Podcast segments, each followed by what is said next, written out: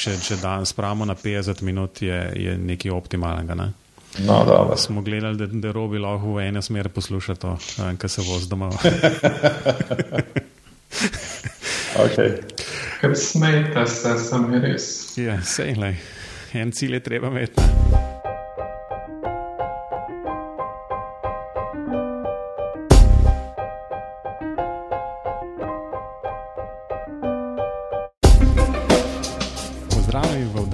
Podcasta BIM Pogovori, v kateri se z gosti sproščeno pogovarjamo o informacijskem modeliranju zgradb in informacijsko-komunikacijskih tehnologijah v gradbeništvu. Z vami sva Robert in Mateoš. Pozdravljen, Robi. Zdravo. Danes gostimo profesor dr. Žiga Turka z Fakultete za gradbeništvo in geodezijo. Zdravo, Žiga. Živijo. Naj za začetek povem, v bistvu, da smo vsi trije sodelavci. Um, verjetno bi bilo skoraj bolj preprosto to posnet v živo v eni, v eni sobi, ampak sem jaz tečnaro in bomo to še zmeraj snemali po Skypu. Tako da pozdravljam žiga še enkrat. Um, lahko za poslušalce v parih stavkih se predstaviš, poveš, kaj počneš. Ja, uh, jaz sem pravzaprav na gradbeni fakulteti od leta 86 naprej, to je že kar nekaj časa. Um, v bistvu se od začetka ukvarjam z računalniško integrirano graditvijo. V koncu 80-ih, začetka 90-ih smo temu rekli, oziroma tehnologijam za to rekli, um, produktno modeliranje oziroma konceptualno modeliranje stavb, seveda se ukvarjam tudi z vsemi drugimi stvarmi, ki so povezane z novimi tehnologijami, z internetom. Eh, nekateri se mi spomnijo iz časov mojega mikra in vejo, da me eh, vse te digitalne stvari zelo, zelo zanimajo. Kdo drug me malo pozna iz politike, ampak to je zdaj mimo. Ok, skratka, enih par istočnic um, si že dal, omenil si v bistvu že pač to, da se že nekaj časa ukvarja s tem, lahko najprej se dotaknemo malo te zgodovine, pa bomo pa prišli na mogoče stvari, ki so mogoče bolj aktualne oziroma bliže nam. 86 um, do zdaj je v bistvu kar precej časa, um, verjetno se je v tem času tudi v, na, pač na področju, ki ga nekako se dotika BIM, precej um, zgodil um, lahko v enih, pač recimo, en tak povzetek enega takšnega razvoja narediš do zdaj? Ja, mogoče bi vseeno začel še prej. Ne? Namreč um, človeško dojemanje časa je, da tisto, kar je razmeroma blizu časovno, se nam zdi nekako, da je zelo veliko, bolj ko so stvari oddaljene. Um, um, bom rekel, manj, manj pomembne se nam zdijo. Ne? Ampak vendar v neki daljši časovni perspektivi, in če govorimo o BIM-u, uh, bi lahko rekli, da zadeva ni nič tako nova, kot se zdaj le zdi, oziroma kot se zdaj le reklamira. Ne? Informacijske modele stavb so delali tam nekje od uh, 15. in 16. stoletja naprej.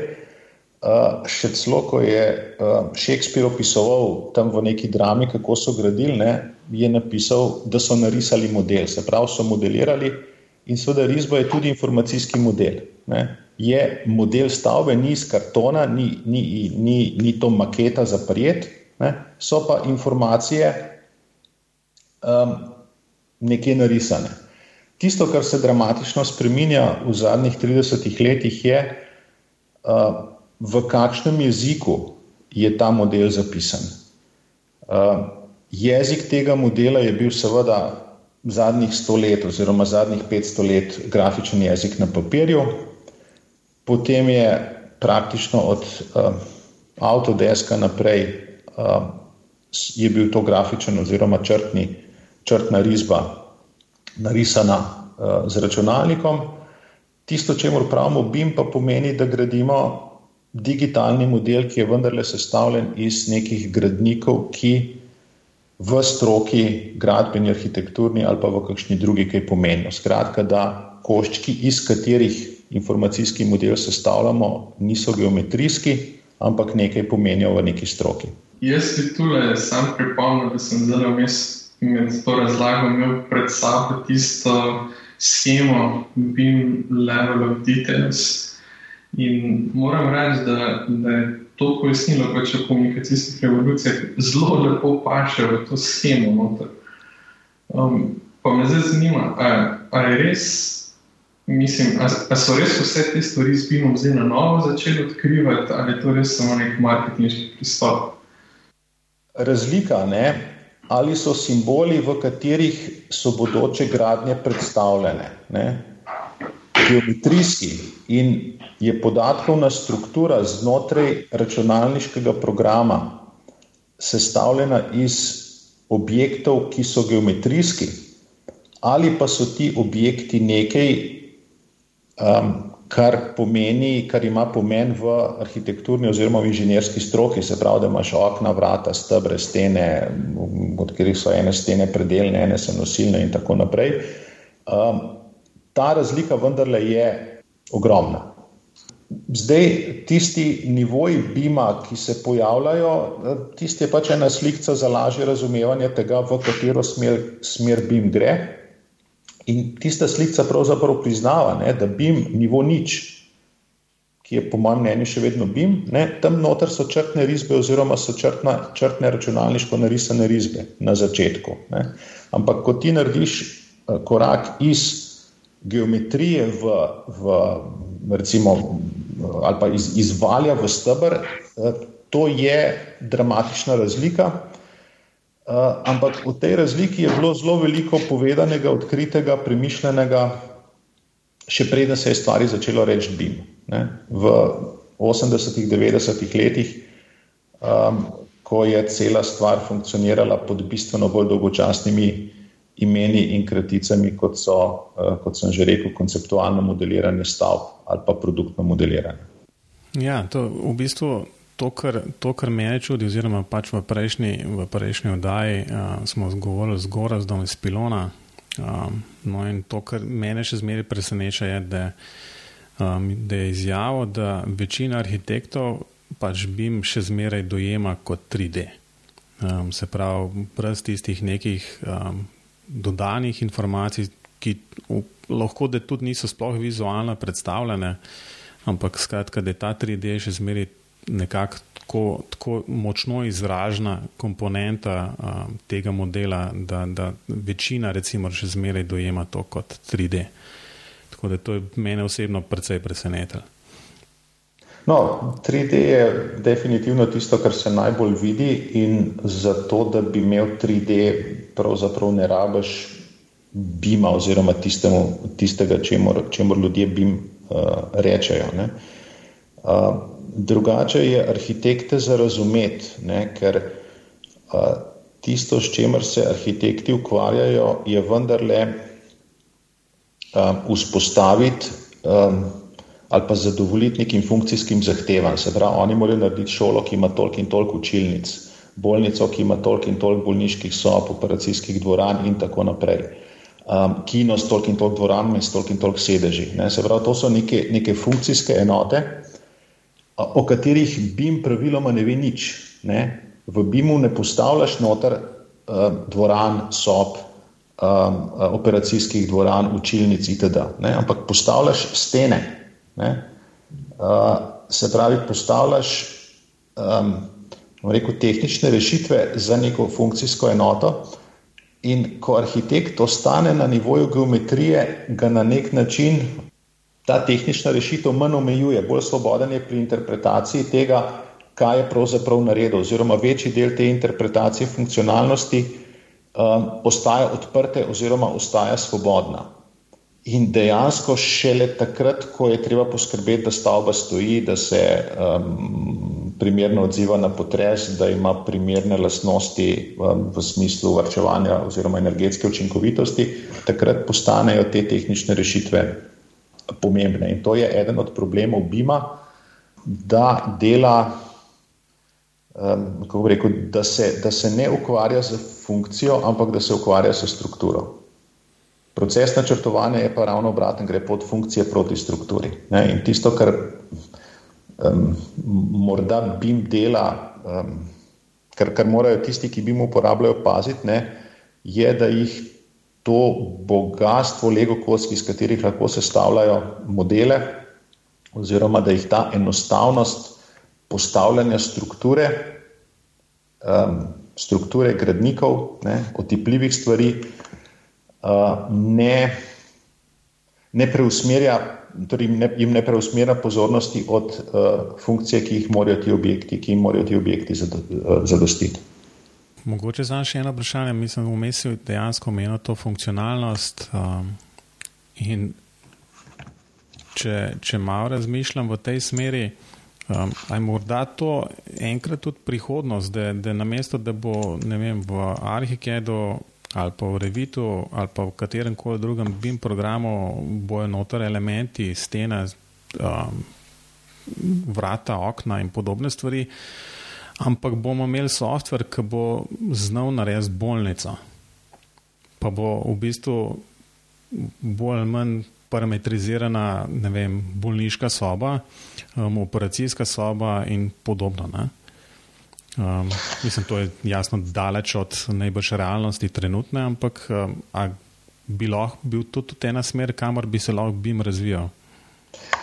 No, mi smo razmeroma blizu softveru, ko nek, recimo, proizvajalec montažnih hiš da stranki na mizo oziroma na desktop uh, programsko opremo, kjer si ta stranka zgradi hišo. Ne? Ampak ta stranka postavlja oziroma gradi hišo tako, kot se hiša gradi na gradbišču, se pravi, postavlja stene, plošče, noter postavlja okna, vrata in tako naprej. Uh, drug pristop bi bil, ne, da bi postavljal noter, tako kot si rekel, prostore. Ne bi rekel, ok, tle bi imel kuhno, dnevno sobo, spalnico in tako naprej. Ne. Potem bi se pa ta, te umazane podrobnosti, da morajo biti vmes, da morajo biti vmes neke stene, da morajo biti neka vrata, um, zgodile same. Jaz sem pripričan, da bomo tudi do tega prišli. In da bo razvoj uh, softvera šel v smer, ko bo za razmeroma preproste ali pa rutinske objekte ta stvar zelo, zelo dobro zintegrirana. Ne, jaz si predstavljam, da bi bilo dosti lažje kot recimo en tak program, kot je Arhicad ali pa Revit, ne, narediti eh, nek program, s katerim delaš uh, lumarjeve hišice, ne, montažne. In ta program bi bil lahko razmeroma, torej vse tisto, kar, kar naj, bi bil, naj bi bila ta obljuba, bi ima. Um, vse, čisto vse informacije, ki bi kdorkoli, kadarkoli rabo v zvezi s to stavbo, vse analize, statika, gradbena fizika in tako naprej, vizualizacija, kosovnice, načrt dela, ne, za razmeroma, reko, nepresenetljive rutinske objekte, mislim, da smo razmeroma blizu temu. Bolnice so morda bolj zahteven zalogaj, ker mislim, da je malo podjetij, ki bi, kako rekel, masovno delale bolnice, no? ki bi delale na desetine bolnic na leto. Eno podjetje, ki bi, ki bi jih uh, projektiralo in gradilo. Ne? Mogoče smo bližje, um, recimo, ne vem, softver za, za Lidlove ali pa Hoferjeve trgovine projektirati. Ne? Tam tudi ne rabiš vsega, kar je noter v AutoCAD ali pa v Revitu, ne? ampak bi nek, uh, nek paket lahko uh, to stvar naredil. Ne? za montažne hiše smo že rekli, za kakšne motele tudi, so, so tudi dosta rutinski. Ne. Potem pa ostane vse ostalo, za kar bodo potrebni pa ti veliki splošni paketi. Um, zdaj, tu se nam poraja eno vprašanje. In sicer, če vemo, da je sama ideja nekaj takega, nekih BIM oziroma nekih izmedljivih formatov, še prej prišla iz strojništva če zdaj omenjamo eno družinsko hiško ali pa montažno hiško, pa je tako, to gre vse za nek končen nabor nekih rešitev. Um, ampak vsaj na začetku so vsi um, se strinjali o tem, da je bistvena prednost bima predvsem pri zahtevnih objektih. Ne? Ker eno družinsko hišo v bistvu lahko dejansko naredijo iz dveh tlorisov, ni nekih, nekih posebnih um, ne vem, težav. Ne? Ampak še pri takih bolnicah ali pa pri rdečih hotelih, pa to še v tam bi jim zasije pa vse svoje lepoti. A ni potem ravno to problem, ne, da se bi jim ukvarjali z, nekim, z nekimi rešitvami, ki mogoče sploh, sploh niso tiste, ki so bile na začetku mišljene. Ker, ker tak ko je bilo omenjeno, arhitekti bi radi imeli proste roke, da bi sami oblikovali, ne vem, krivulje, stene, ni poravna, steklene stene, pa to, ampak če, če tega elementa v BIM-u ne najdejo, ga zelo malo opustijo. No, tukaj je verjetno razlika med tem, kje lahko BIM doseže tisti ideal ali pa tisto popolnost, ki naj bi. Um, ki naj bi bila njegov cilj, in gotovo bo to prej dosegel pri rutinskih oziroma preprostih objektih, kar pa ne pomeni, da uh, ni uporaben tudi za uh, zahtevne objekte, oziroma da se šele pri zahtevnih objektih pokaže nekatere prednosti, ki se pri manj zahtevnih objektih ne vidijo tako, uh, uh, tako očitno. Ne. Mislim da, mislim, da smo očitno izčrpali uh, tole. Uh, zdaj najbrž no, pač odkrili, kam BIM vodi, oziroma kje, kam vodi razvoj, um, najbrž ta trenutek ne bomo odkrili, sem pa prepričan, da, da so takšne ideje o, o nekih specializiranih, spe, specialnem softverju za izdelavo nekih specifičnih uh, zgradb, tipov zgradb, um, dejansko narejene, če se sam spomnimo, um, pač recimo tudi Trima, ki ima neke svoje lastne rešitve. To ni bilo oglaševano kot BIM, ampak na koncu koncev je dejansko to, kar iz njihovega softvera prime točno to. Ne? Pa je pač prirejeno oziroma prikrojeno njihovim lastnim potrebam. Ne? Ja, absolutno. No, v bistvu smo se dotaknili, pač, kako je vsa stvar potekala skozi um, recimo, stoletja. Um, dotaknili smo se um, in pač tega 1500, recimo, je prva in taka resna prelomnica v. Um, v informacijskih modelih, um, potem pa recimo 2000 s to digitalno komunikacijo. Mene, mene vedno, ko v bistvu vidim ta, ta slajd o recimo povzetku komunikacijskih revolucij, v bistvu predvsem zanima ta, ta zadnji del, kjer je pač ta global teamwork, um, kjer imamo digitalno komunikacijo, digitalno dokumentacijo, skratka. Um, informacijski procesi so v bistvu ločeni v času in v, v pač sočasno času in geografsko ločeni. To, kar mene konkretno vedno preseneča, je to, da ko pa je recimo govor o gradni hitro petega terminala na hitro, kjer je pač zgodba, zgodba takšna, da so um, najeli oziroma zakupili stolpnico čez cesto tega terminala in potem v to stolpnico bolj ali manj spravili vse inženirje, vse tiste, ki so pač delali na tem projektu v skupno stavbo, samo zato, da so optimizirali ta proces samega načrtovanja in gradnje potem, zato da so te ljudje dejansko živeli um, in dihali ta projekt skupaj vsak dan 24 ur na dan, ne? da ni bilo nekih pač, um, časovnih zamikov, težav v komunikaciji, če, vem, različnih časovnih območij in tako naprej. Je to res neki ideal, um, pač ta virtualna organizacija kot taka, ki naj bi pač recimo bila nekako najbolj recimo, optimalna organizacijska oblika gradbenih um, projektov. Je to res pač temu, kar dejansko stremimo. Se pravi, imeti popolnoma ločene um, pač te procese, um, pač neodvisne v času in prostoru.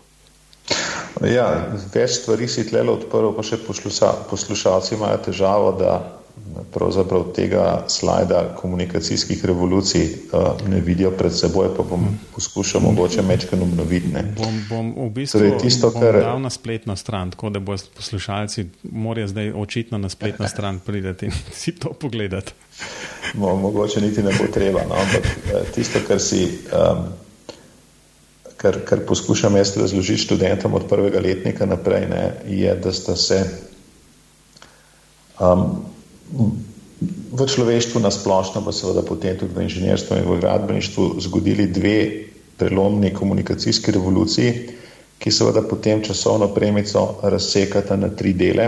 In v vsakem od treh delov je bil, za vsakega od treh delov je bil značilen eden od načinov uh, sodelovanja oziroma skupnega dela.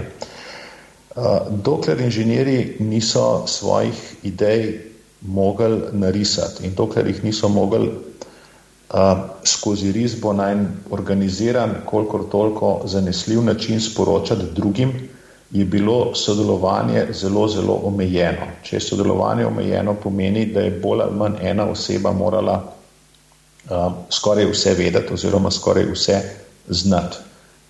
V tistem času tudi neke delitve poklicev med arhitekte, inženirje, gradbene menedžerje in tako naprej, niti ni bilo. V zgodovinskih knjigah beremo, kako so ti slavni stari arhitekti, ki so gradili nek velik objekt, so pač bili na tistem gradbišču tistih 10 ali pa 15 let, koliko časa se je ta objekt gradil, potem so šli nekam drugam, potem še nekam drugam, potem so umrli. Skratka, tudi njihov opus uh, ni bil ne, ne vem kako velik. Potem se pojavi poceni papir, poudarek je na poceni, ker inženirji, gradbeniki, arhitekti potrebujejo pocen te stvari. Ne. Um, potem se začne risati in pojavi se uh, lokalno timsko delo. Okrog risbe um, se zberejo ljudje, uh, s pomočjo risbe odpravljajo nekonsistentnosti oziroma težave, napake. Potrebno je, da so še vedno nekje blizu skupaj ali v istem mestu ali v isti stavbi, pač Eh, da lahko ta risba potuje, oziroma da se lahko nad isto risbo sklonijo. In to, kar se ti omenil v zvezi z uh, terminalom 5 na Hitrovu, rekel, bi rekel, da je vrhunec tega načina razmišljanja, torej tega lokalnega timskega dela, ko um, poskušaš ljudi um, uh, spraviti skupaj. No in uh, potem se zgodi naslednja komunikacijska revolucija, ko postane elektronsko komuniciranje prosto dostopno za vse tudi za inženirje, ko pa to, da si na istem mestu, na isti lokaciji, v isti časovni coni, v istem podjetju, postane vse manj uh, pomembno. Konec konca tudi način, na katerega nastaja tale um, oddaja, ne, uh, demonstrira, da ni nobene velike potrebe po fizični prisotnosti na istem mestu, da lahko nekaj skupaj narediš. Celo, ne, Verjetno nam je bolj komod, da smo vsak za svojim računalnikom, lahko bi bili tisoč km daleč stran. Eh, bolj komod je to, kot če bi sedeli v istem studiu oziroma v isti sobi, ali pa vsaj nič, uh, nič slabše ni. Uh, in nekaj podobnega se dogaja tudi na področju um, projektiranja oziroma planiranja um, v gradbeništvu in arhitekturi. Uh, pri čemer pa seveda uh, se moramo spomniti nekaj, um, kar sem, na kar sem prišel pravzaprav šele skozi svojo, um, rekel politično, ampak recimo to ekonomsko, družboslovno zanimanje. Um, namreč cilj um, vseh teh komunikacij, cilj vsega tega sodelovanja, uh, BIM-ov, um, najrazličnejših strežnikov, portalov, orodij, orodij za komuniciranje, ki, ki omogočajo, da veliko število ljudi deluje skupaj, ne, povezano. Uh, cilj pravzaprav sploh ni nekaj, kar smo imenovali računalniško integrirana graditev. Ne.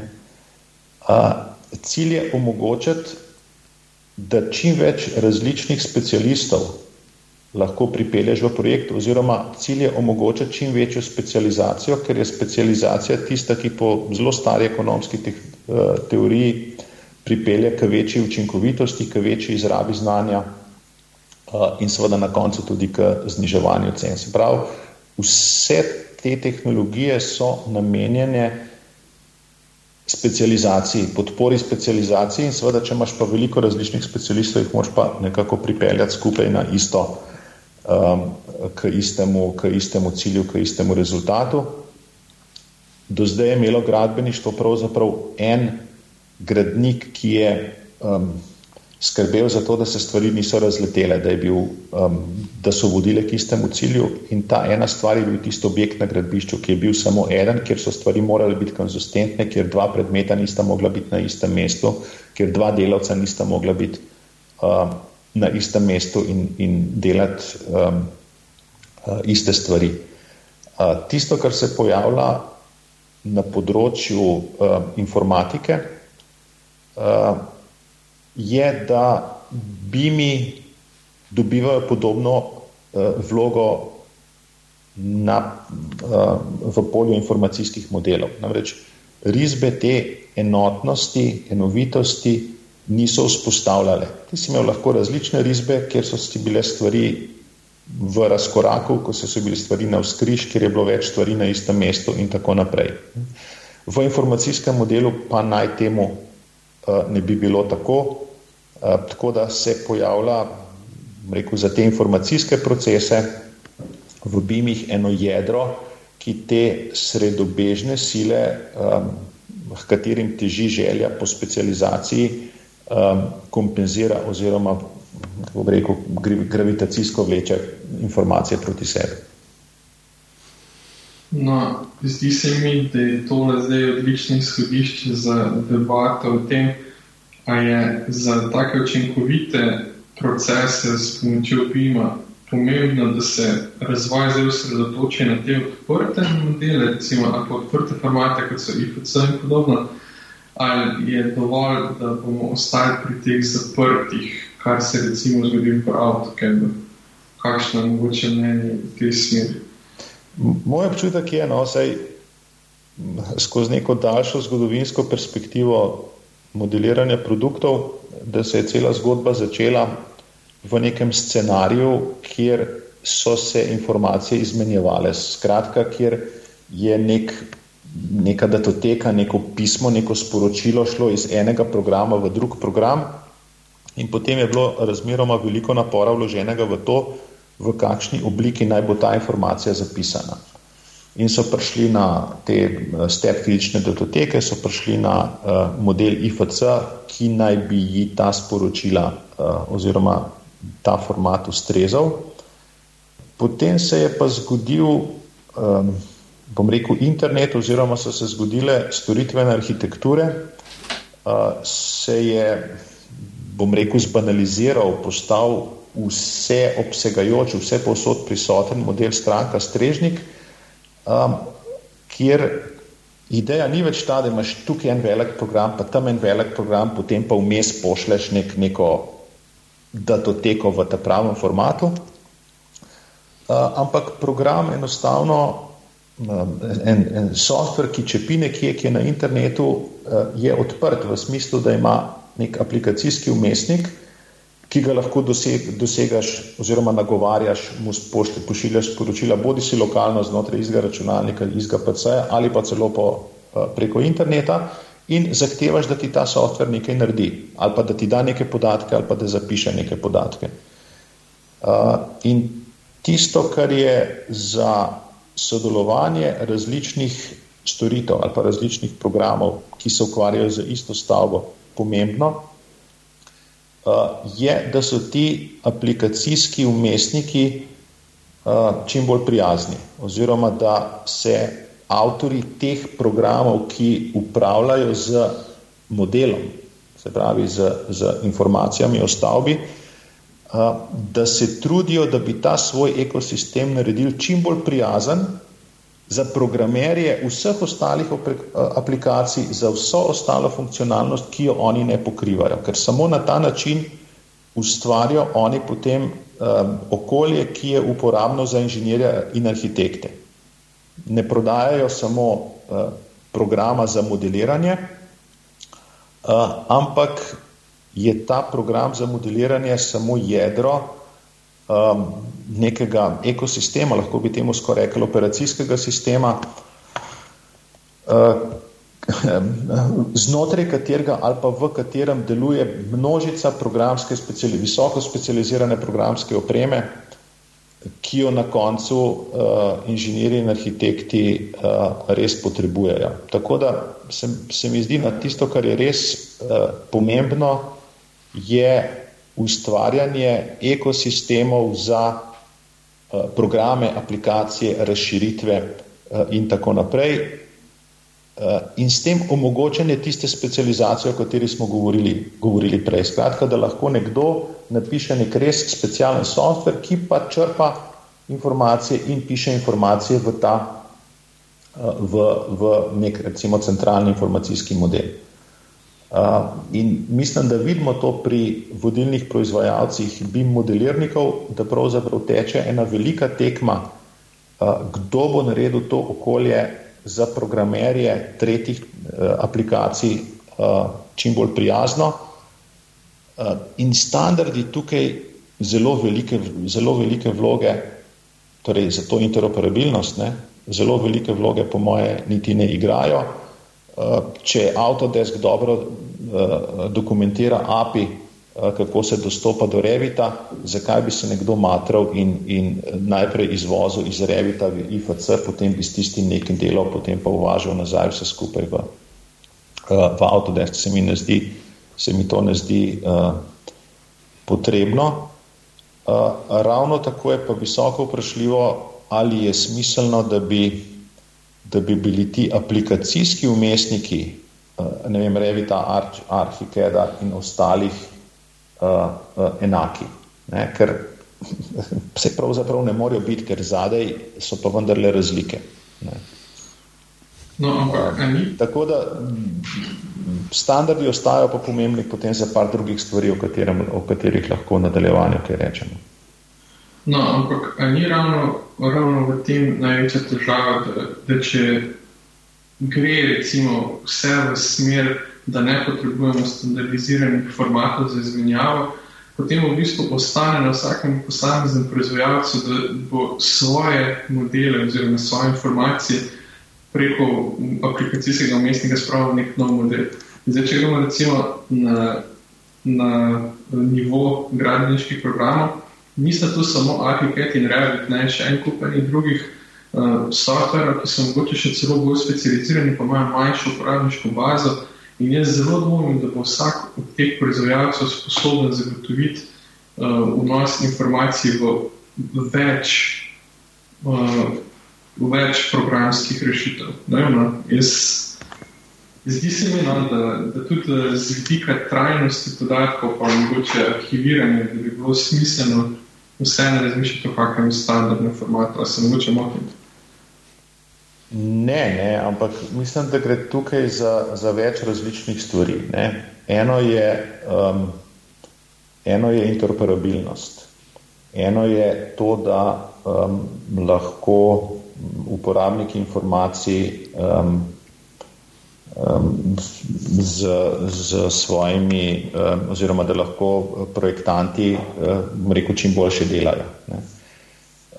Drugo je pa potem uporaba teh informacij, potem, ko je stavba že zgrajena, oziroma kdaj, kdaj kasneje. Um, Meni se zdi razmeroma verjeten scenarij, ne, da se bo okrog nekaj po mojih bo na koncu manj kot pet, ne, nekaj vodilnih modelirnikov, se bodo zbrale družine programske opreme, ki bodo znale delati z aplikacijskim umestnikom tega modelirnika.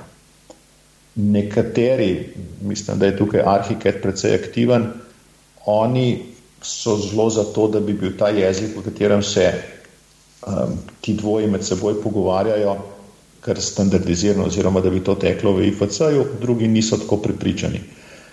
Tisto, kar želim reči, je, da se mi zdi odprtost nekega programa uh, za komuniciranje z drugimi bistveno pomembnejša od tega, da je ta komunikacija standardizirana.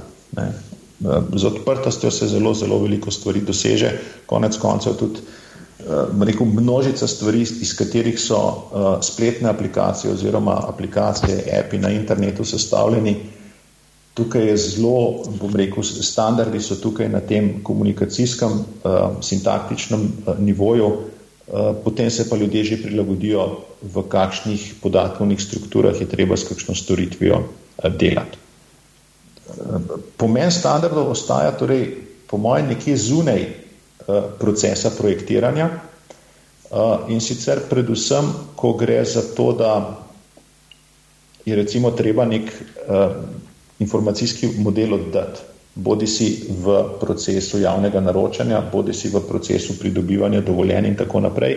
Tukaj si po moje države oziroma oblasti ne morejo privoščiti, da bi zahtevale nek privaten format ene konkretne, enega konkretnega podjetja na škodo vseh ostalih podjetij, ampak lahko zahtevajo samo neutralen format, uh, torej format, ki je v enem od teh, uh, torej standarden format. Uh, drugo, ti standardi vendarle predstavljajo neko izhodišče ali pa referenčno točko za uh, razvijalce programske opreme. Vendarle so, so nek najmanjši skupni imenovalec, čez katerega morajo uh, proizvajalci biti modelirnikov, biti morajo boljši od tega, kar je v standardu. Ne? Če hočeš biti boljši od konkurence, potem mora biti, ne vem, recimo tvoja stena ali pa tvoj stebr ali pa tvoja armaturna palca uh, izrazno močnejša od tiste, ki je v standardu oziroma izrazno močnejša od tiste, kar bo uh, delala kon konkurenca. Eh, potem to, kar si robi omenil, eh, dolgotrajno hranjenje informacij. Ne. Eh, kdo lahko zdaj garantira, da bo neko podjetje, ki izdeluje BIM modelirnike čez 10, 20, 50 let še obstajalo, oziroma da bo tiste formate mogoče še brati. Ne. Verjetno neke standardne formate, ki jih podpira več proizvajalcev, kot OpenBeam, je velika verjetnost, da bo um, podpora temu časovno, časovno trajala dlje časa. In potem ne na zadnje, um, v zvezi s tem, kar se mi tukaj v, uh, na področju znanosti ukvarjamo, um, standardni odprti formati oziroma um, podatkovne strukture za informacijske modele uh, so nek poligon, um, v katerem se znanstveniki in akademska skupnost dosti lažje uh, uveljavlja oziroma naredi prispevek kot nekaj, kar je pravzaprav um, privaten, zaprt, morda konkurenčna prednost uh, tehnologije nekega konkretnega podjetja. Tako da uh, za vse to ostajajo standardi zelo, zelo uh, uh, pomembni. Za tisto, okrog česar so se pa začeli, no, se pa meni zdi, da bo šel scenarij v, v podobno smer kot, kot če kakšen drug softver, kjer je pač neka družina, ki dobro dela skupaj in mečkam slabše dela potem pa z, uh, z ostalimi, ampak uh, na koncu za inženirja arhitekta je dovolj, da ima pravzaprav v okviru enega, ene družine programov, ki niso vsi od istega proizvajalca, podarjam, ne, ampak v okviru ene družine programov ima pokrite bolj ali manj vse zahteve po um, funkcionalnih analizah, uh, po simulacijah, uh, ki, jih, uh, ki jih potrebuje. Ja, se, se skoraj, skoraj celoti strinjam s tem, oziroma je, je, je dobra razlaga v bistvu to, kar se trenutno dogaja. Robi, če se spomniš, v bistvu parkrat smo že omenili Nemeček.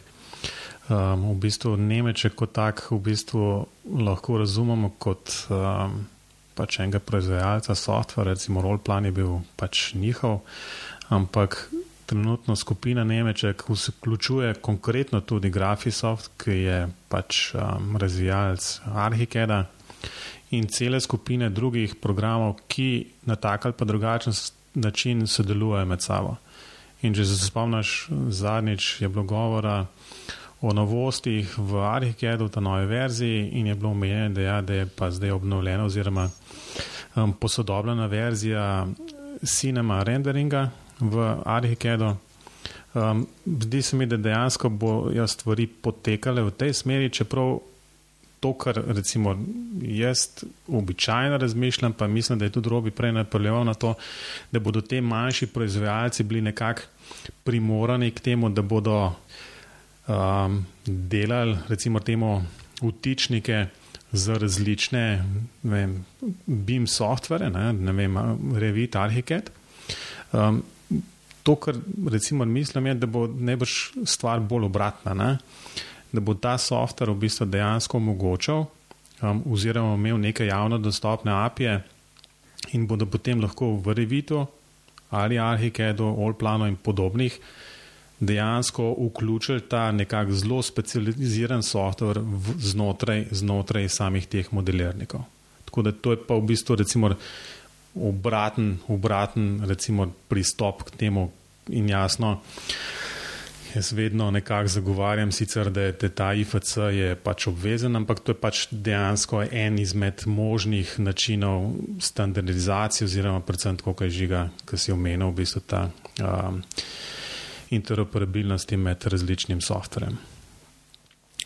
Ja, jaz tudi ne vem, v, v katero smer se bo to zgodilo. Dejstvo je, da je, um, bom rekel, samo modelirnik ena razmeroma neuporabna stvar, če okrog njega ni množica nekih programov, ki znajo informacijo, ki je v tem modelu, ne vem, analizirati ali pa generirati in tako naprej. In trud bo šel prav gotovo v obeh smerih.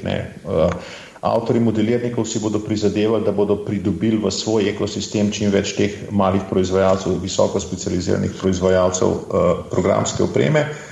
Uh, in um, seveda obratno, uh, ti proizvajalci visoko specializiranih programov bodo poskušali biti kompatibilni z uh, enim, drugim, tretjim uh, modelirnikom. Ne.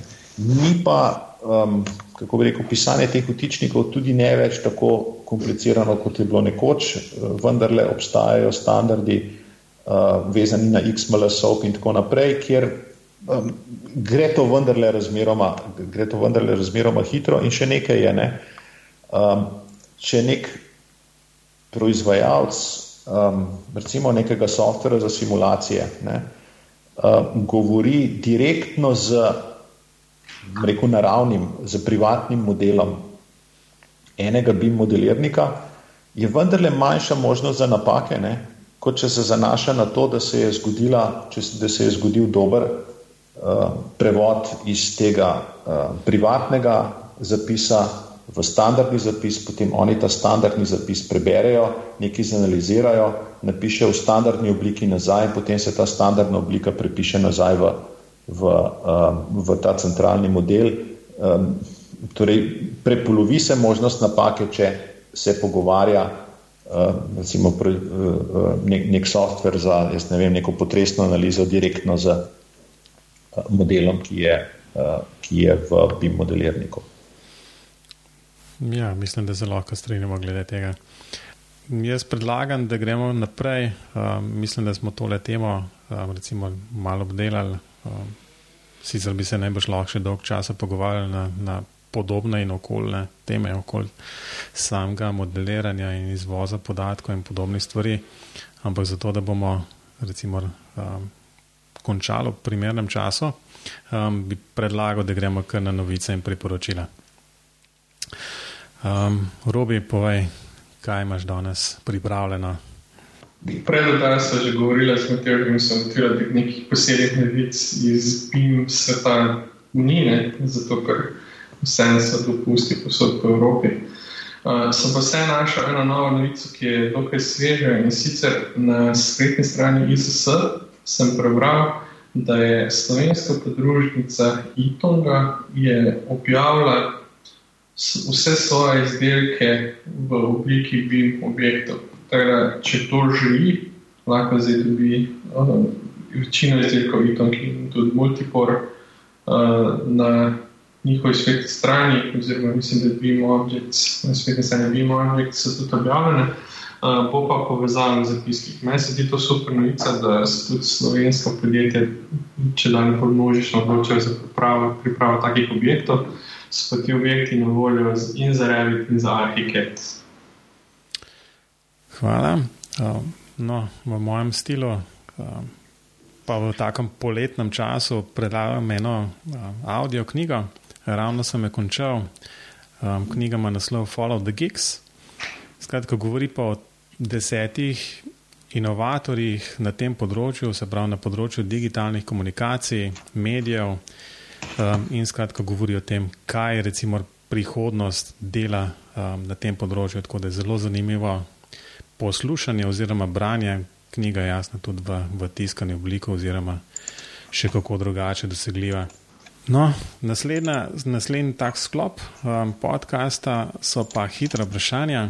Torej, žiga na vrsti si, da odgovoriš na tri standardne vprašanja. In prvo vprašanje je, BIM programska oprema, um, kaj uporabljaš takrat, ko pač um, moraš kaj pokazati oziroma pač kaj izmodelirati. po. No, zdaj, tisto, kar moram kdaj kaj izmodelirati, ne, je, so, so kakšne stvari za kakšnega zidarja doma ali pa za kakšnega mizarja. In moram reči, da sem tukaj len in praktičen in da delam v 2D z AutoCAD-om tiste omare in police in take stvari narišem. Um, verjetno se bodo vsi strinjali, da je overkill za take stvari um, ugrizen v BIM in v, uh, v um, objektno modeliranje. Uh, drugače, kar se pa šole tiče, um, smo razmeroma uh, odprti za to, kaj želijo študenti uporabljati. Letos je bilo nekaj več Revita, lani nekaj več um, Arhikeda, predvsej tudi SketchUpa. Um, mislim, da je važno, da študente naučimo, um, oziroma da pridejo v stik z večjimi takimi urodji, ker nikoli ne vejo, v kakšno okolje bodo potem, potem prišli na delovno mesto. In če tudi če več takih uh, urodij vidiš, uh, potem uh, se boljše vidi, kaj so pa tiste skupne značilnosti, ki so, oziroma ki predstavljajo neke koncepte, ki bodo še dolgo, dolgo uh, nas spremljali. Ja, se, v bistvu na tem mestu je treba en program izbrati. Jaz bi tle predlagal, da AutoCAD napišem. Um, že če ne drugače po definiciji, da je tudi um, 2D um, slika oziroma pač um, grafična predstavitev lahko tudi del BIM-a. Um, če se strinjaš, ja, bom AutoCAD napisal. Tle lahko, tle lahko eno, rekel, globijo teoretično ozadje vsega tega damo. Ne? Mi ne delamo BIM modelov zato, da bi ljudem povedali, kakšna stavba bo, ne? ampak mi delamo BIM modele zato, da znajo to stavbo narediti. In cilj vsega tega inženirskega komuniciranja je dati drugemu ne, sodelavcu natanko dovolj informacij, da bo lahko stvar izdelal. In če je natanko dovolj informacij 2D risba, uh, potem pač 2D risba. Ne. Ni vedno več ni nujno bolje. Ne. No, jaz mislim, da se lahko s tem samo strinjamo. Bi bilo pa naslednjo vprašanje, pa še bolj zanimivo, um, predvsem odgovor. In sicer drugo vprašanje, ki ga postavljamo vsakemu gostu, je, kako razume BIM. Ali razume BIM kot model ali kot proces? No, BIM je predvsem zelo uspešna kratica, ki se dobro sliši in ki skrbi za dober marketing uh, produktov na tem področju. Ne. Tako da potem bi človek lahko rekel, da to pomeni building information marketing, ne, ker je ta kratica ogromno naredila za marketing um, informacijskih modelov v gradbeništvu. Uh, drugače, mislim, da sta obe uh, popolnoma relevantni. Če je to model, pač s tem mislimo informacijski model stavbe, zgradbe. Če rečemo modeliranje, potem je to proces, ki nas do tega modela, pa tudi potem za uporabo tega modela do stavbe pripelje. Se mi zdi pa razmeroma dober kompromis ali pa nek, nek dežnik nad obema pojmoma BIM kot Building Information Management – ki je pravzaprav torej, upravljanje z informacijskimi, upravljanje z informacijami o zgradbi. Ne, je pa tista krovna aktivnost, ki to dvoje oboje povezuje.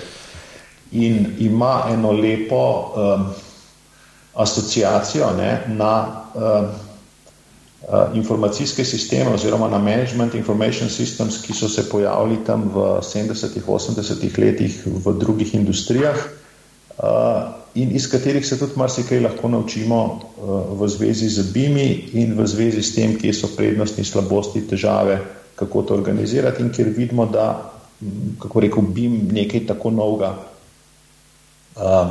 kot, kot nekateri reklamirajo, vendar le spet ni. Zelo, zelo, zelo primeren odgovor. Tako da bom management napisal. Bomo razširili to vprašanje na, na tudi to, ali je to management.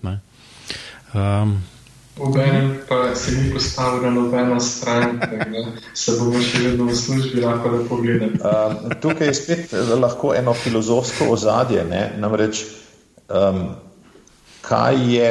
Um, kako bi rekel, objektiven pomen besed je precej nepomembno, ne? kot je nepomembno tudi, kaj je v resnici za res, čisto za res, uh, recimo nek stvar in kako ga zmodelirati in katere atribute potrebuje. Ne? Mi besede uporabljamo zato, da komuniciramo in zato, da nas nekdo razume, da bo nekdo na podlagi naših besed nekaj naredil. In ali mi rečemo BIM kot modeling, ali rečemo BIM kot uh, model, uh, je odvisno od tega koncepta, kaj želimo nekomu povedati, kaj želimo, da bo nekdo naredil. Ne vem, če obstaja ali pa če se je smiselno pogovarjati o tem, kaj je pa uh, kako bi rekel, kaj pa ta beseda zunaj vseh kontekstov in zunaj vseh upravil, zunaj vseh strategij pomeni. Ja, zdaj tudi, eh, recimo, jaz sem malo pred, pred oddajo, sem malo bral tole zgodovino, ki je tudi um, polinkana v teh zapiskih.